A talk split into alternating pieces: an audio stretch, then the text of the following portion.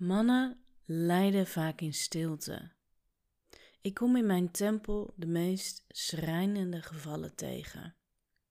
En niemand weet het, want ze vertellen het niet. Vaak zit er schaamte op. En ja, jezelf openen is zo ontzettend kwetsbaar.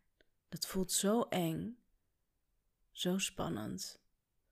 Het is ook een grote drempel om bij mij in de tempel te komen. Maar de mannen die de moed hebben verzameld, die zijn goud. Dat ga ik allemaal nog onthullen. En voor die schrijnende gevallen die nooit naar buiten gebracht worden, voor hen wil ik een stem zijn. Ik wil een stem zijn voor de mannen die zelf niet kunnen spreken. Ik wil een stem zijn voor de vrouwen van deze mannen. Ik wil een stem zijn voor de waarheid. Ik wil een stem zijn voor het licht dat op hen schijnt.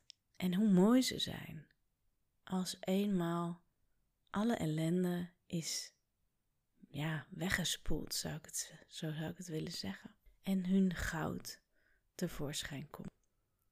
Ik heb een fantastisch stuk van een man die een aantal jaar geleden bij mij kwam. Hij was zwaar pornoverslaafd, maar echt van, ik wou zeggen, van het allerergste soort. Zoals hij zelf vertelde van ik heb werkelijk alles gezien en ik ben er niet trots op. Ik wil er vanaf. Het beheerste zijn leven en hij voelde zich een ja, bijna marionet van het systeem, van het pornosysteem de tentakels die zo ontzettend hem in de klem hielden. Hoe dan ook, hij kwam bij mij en ik vroeg hem om zijn ervaringen op te schrijven. Als in, ja, dat vraag ik iedereen. Neem pen en papier of spreek het in of tekst het. Omdat het dan uit je systeem gaat. En dat is ook al een deel van de heling. Op het moment dat je het deelt, ook al is het met jezelf, maar je brengt het naar buiten, je lichaam uit. En daar begint het stuk van loslaten. Nou, hij heeft zijn ervaring van zijn eerste tempeldag, heeft hij prachtig uitgebreid beschreven. En ik heb hem gevraagd of ik het mag delen in mijn podcast. En hij zei: Ja, Roos, dat mag je. Ja, zodat meer mannen zich niet alleen voelen. Dat ze horen van hé, hey, ik ben niet de enige die porno kijkt, die verslaafd is, die problemen heeft. En ik ben hem daar ontzettend dankbaar voor. Het is, ja, het is echt, echt, het is zo'n voorrecht, mijn werk, dat er een hoopje ellende, het is niet onrespectvol bedoeld, maar zo, hè, komt een man binnen, de oorlog in zijn hoofd. Ja, ze weten vaak niet waar ze het zoeken moeten. Letterlijk de weg kwijt. En dan komen ze in mijn tempel en daar worden ze zo liefdevol ontvangen en weer geherkalibreerd naar hun oorspronkelijke essentie en gevuld met onvoorwaardelijke goddelijke liefde, zodat ze geheeld weer, ja, weer naar buiten kunnen, de wereld in. Ik ga jullie voorlezen de aantekeningen van deze man en je moet je voorstellen dat hij, ja, ik weet niet of je er een voorstelling van kan maken, maar dat iemand zo, uh, ja, ik noem het even als een hoopje ellende binnenkomt en het helemaal kwijt is, zichzelf kwijt is, enorm in zijn hoofd zit. Dat is vaak waar we naartoe vluchten. De enige plek die we kennen op een gegeven moment. Niet meer in het lichaam, maar in het hoofd. En dat zo'n tempeldag natuurlijk hartstikke spannend is. Het is allemaal nieuw en, en dan ook met een vrouw alleen.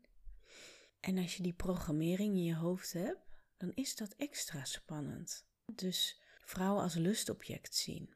En ik kan het heel goed handelen hoor, no worries. Vanuit een krachtige liefde van binnenuit, van mij, ontvang ik deze mannen en laat ik de ellende, de ruis van hun afglijden.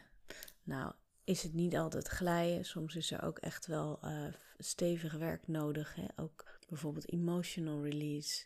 Dus de emoties, hè, die zitten vaak opgekropt.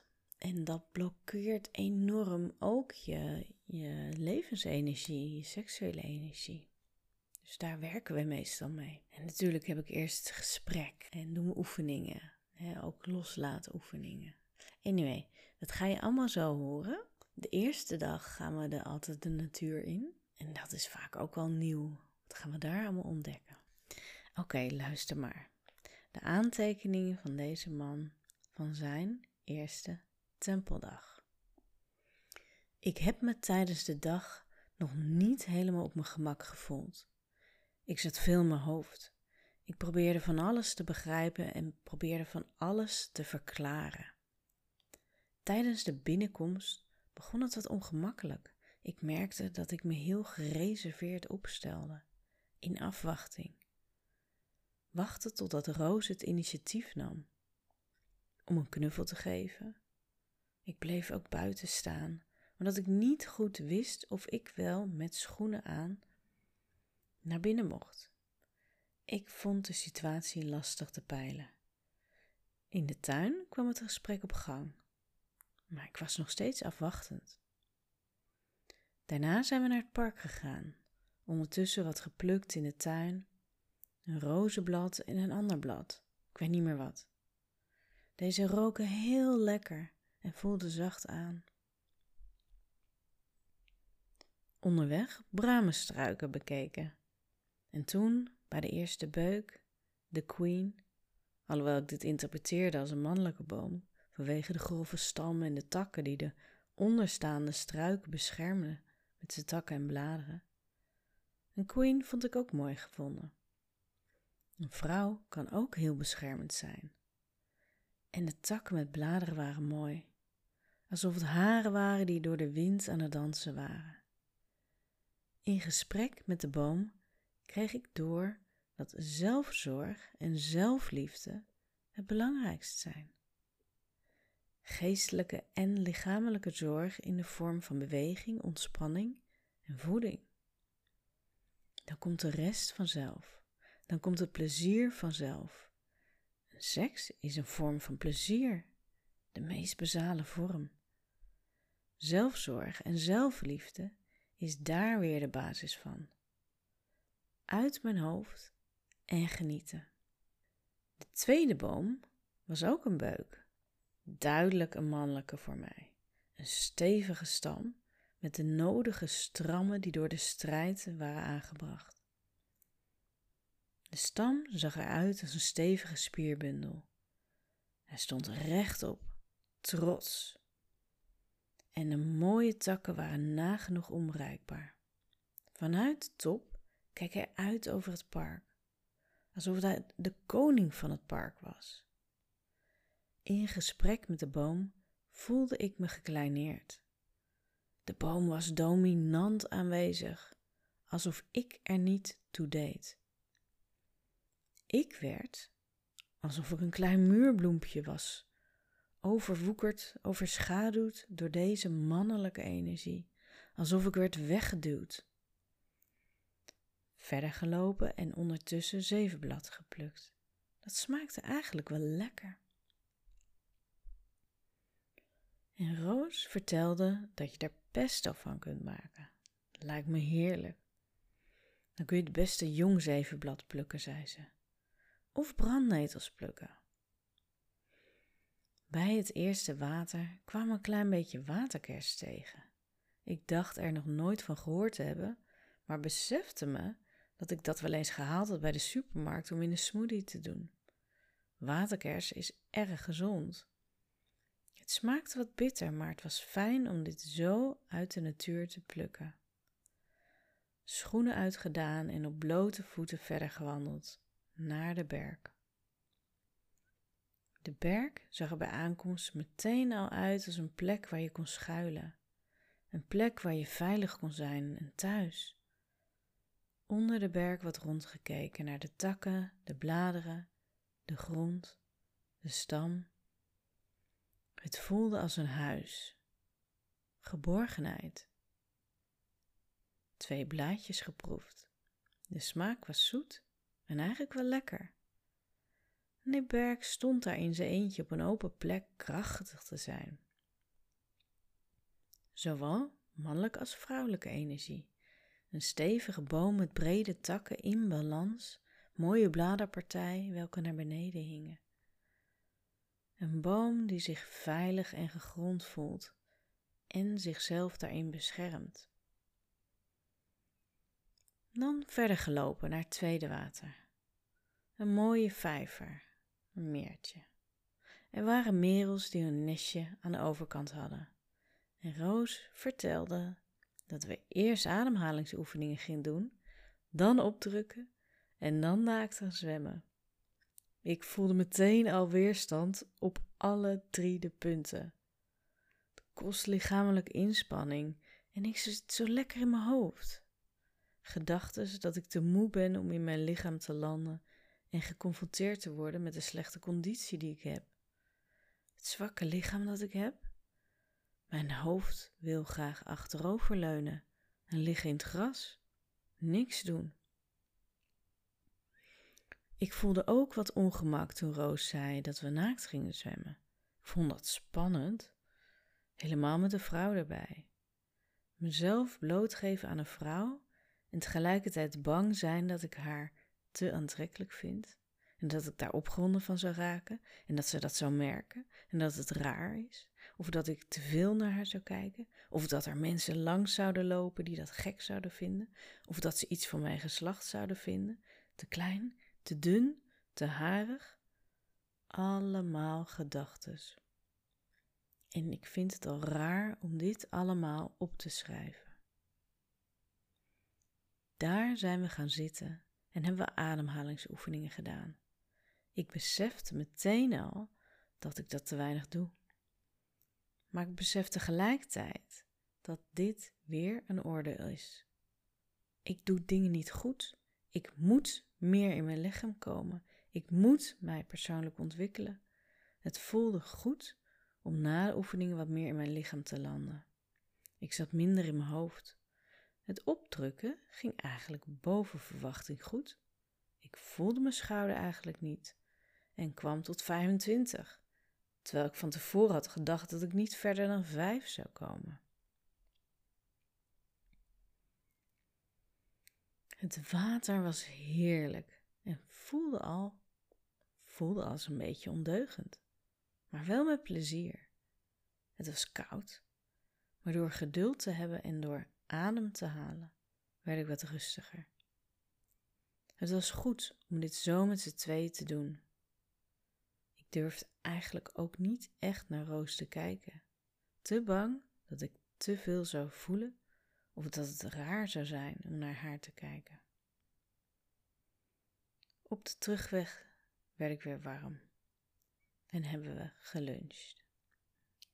Het tweede deel, na de lunch, ik kreeg van Roos het sein dat we naar binnen konden, de tempel in.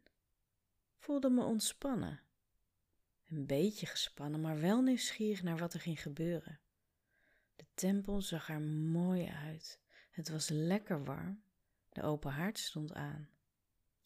Roos pakte mijn hand. Ik voelde haar trots over haar tempel. Het rook er lekker. We stonden tegenover elkaar. Wat wil je loslaten? was de vraag. Goeie vraag. Ik wilde mijn pornoverslaving loslaten, maar ik voelde tegelijkertijd niet heel veel overtuiging. Ik wilde het oordelen loslaten. Ik wil mijn verleden loslaten. Ik wil alles wat mij niet meer dient loslaten. Maar dat klinkt allemaal zo makkelijk. En terwijl ik dit opschrijf, besef ik dat dat ook weer een beperkende overtuiging is. Ook dat is weer een oordeel. Roos trok iets uit.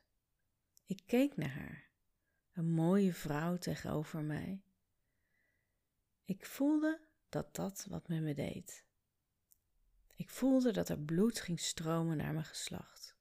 En terwijl ik dat schrijf, bedenk ik me dat ik moeite heb om met de naamgeving voor mijn piemel, geslacht, pik, lul, overal zit er wel een seksuele lading op. Of eigenlijk meer een vieze porno-lading op. Ik wist dat kleren uitgingen, dus ik begon al met het onderdrukken van het gevoel. Ik wilde niet tegenover haar staan met een erectie. Wat zou ze wel niet van me denken? Dat het alleen om de seks ging? Dat ik een of ander geil mannetje was? Een seksverslaafde? Iemand die zijn seksuele energie niet beheerst en zijn lul achterna loopt? Sorry voor de woorden. Ik durfde niet echt naar haar lichaam te kijken. Bang dat ik opgewonden zou raken. Bang dat ik mezelf niet onder controle zou houden en dat ik een erectie zou krijgen. Ik bleef haar maar recht in de ogen aankijken en inhoudelijk nadenken over het gesprek. Ik trok mijn trui al uit, omdat ik het warm had. Maar toen Roos vertelde dat de bedoeling was dat sowieso alles uit moest en ik per kledingstuk iets los moest laten, trok ik hem weer aan. Er viel veel los te laten. Ik wilde graag mijn pornoverslaving loslaten. Ik wilde het bedanken. Bedanken voor de bescherming die het me heeft geboden. Anders zou ik misschien wel mijn seksuele fantasie gaan naleven. Nou, nee, ik denk niet mijn seksuele fantasieën, maar eerder de pornobeelden die in mijn hoofd zijn geprogrammeerd en die misschien helemaal niet van mij zijn. Misschien, want eigenlijk ken ik mijn seksuele verlangens helemaal niet. Ik weet niet wat ik wil, wie ik ben en wat ik fijn of juist niet fijn vind. Die keuze heb ik nooit gemaakt voor mezelf. Ik ben dat nooit gaan voelen. Mijn seksleven speelt zich af in mijn hoofd. Lichamelijk genieten, zonder dat er een orde op zit, is er eigenlijk nooit echt bij geweest bij mij. Het is waar dat porno mij heeft beschermd om seksuele uitspattingen te voorkomen. Dan zou ik vaker naar prostituees zijn gegaan of naar sauna's. Aan de andere kant, misschien heeft het ook weer het een en ander aangewakkerd. Ik wil het verleden loslaten, de onvoorwaardelijke liefde die ik nooit van mijn moeder heb gevoeld, het gebrek aan vertrouwen, het niet gehoord voelen, het niet gevoeld voelen. Alle oordelen die ik van mijn moeder heb gehoord, niet eens over mij, maar vooral over de wereld en over anderen. Het zit ook allemaal in mij. Ik kan er maar moeilijk dankjewel voor zeggen. Misschien hebben al die oordelen er wel voor gezorgd dat er niet nog meer over mijn grenzen is gegaan. En Roos zei dat ze haar ondergoed aanhield om te voorkomen dat de seksuele energie te prikkelend zou zijn. Ik kan me daar dus echt niets bij voorstellen dat een vrouw opgewonden zou kunnen raken bij mij. Het is niet eens een overtuiging. Het is een soort weten wat in mij zit. Ik zou willen dat het een overtuiging is. Ik vind mezelf geen mooie man. Ik heb ooit besloten dat het verstandig is om mijn seksualiteit niet te ontplooien, omdat het er toch niet van zou komen. Echte seksualiteit met echte liefde. Ik word er een beetje verdrietig van als ik het opschrijf. Heeft het met mijn gezicht te maken?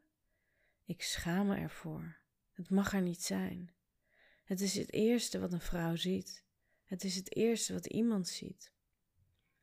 En vroeger hebben we het er nooit echt over gehad. Ik hou van lachen, ik hou van plezier, maar ik heb het mezelf verboden. Verboden te lachen. Mijn hand voor mijn gezicht als ik het wel deed. Of proberen een beetje te lachen, zodat het misschien niet opvalt. Ik herinner me dat mijn juf in groep 8 zei dat ik vooral veel moest blijven lachen. Hmm.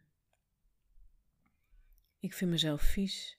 Mijn seksualiteit is vies. Het is een energie waar ik niks mee kan. Het vindt geen uitweg. Ja, via porno. En even tussendoor, zodat ik er weer een tijdje vanaf ben.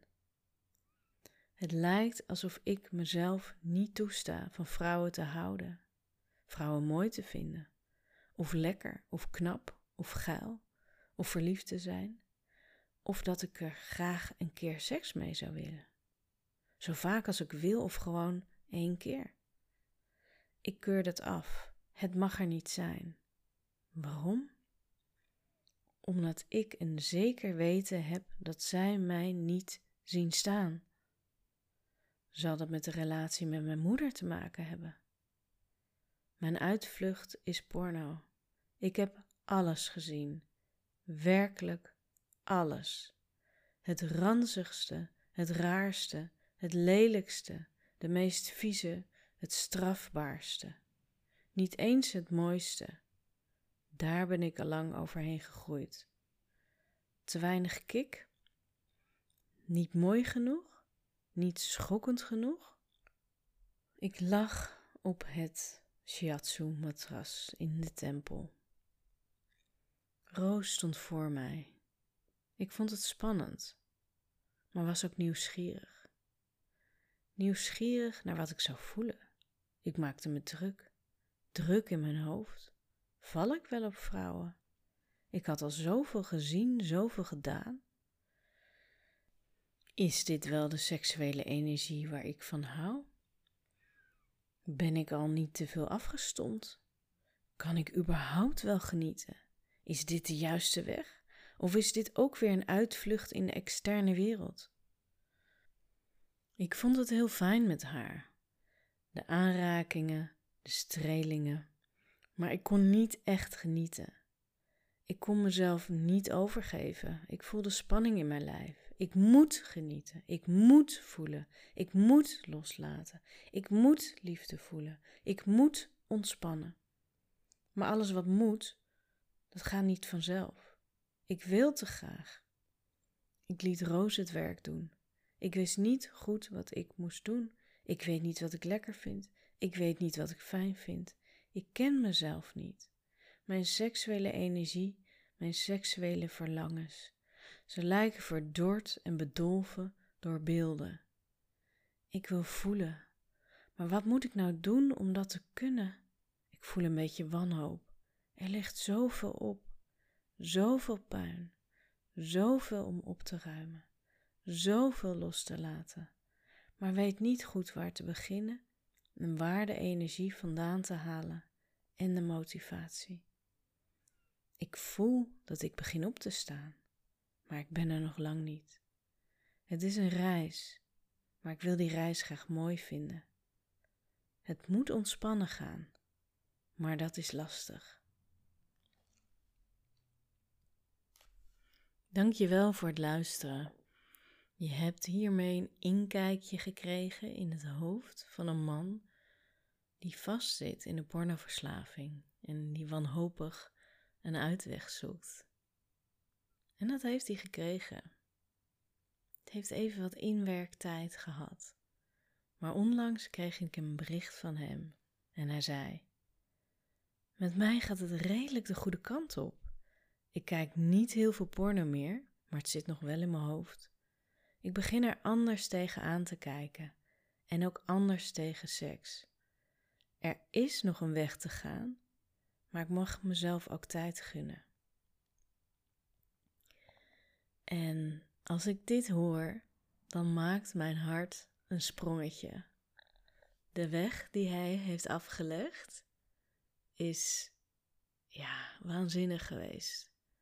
Echt uit de diepste dieptes is hij gekropen en is weer gaan staan in het leven, in zichzelf en de wereld. En nu is het genieten aangebroken. Ja, van het leven genieten. Daar, daar gaat het om. En daar wil ik iedereen naartoe brengen. Het liefst dan, hè? ja, dankjewel voor het luisteren. En mocht je geïnspireerd zijn, deel het. Deel het met mij, deel het met anderen. En als je vragen hebt, neem contact met me op. Je kan me gewoon een berichtje sturen.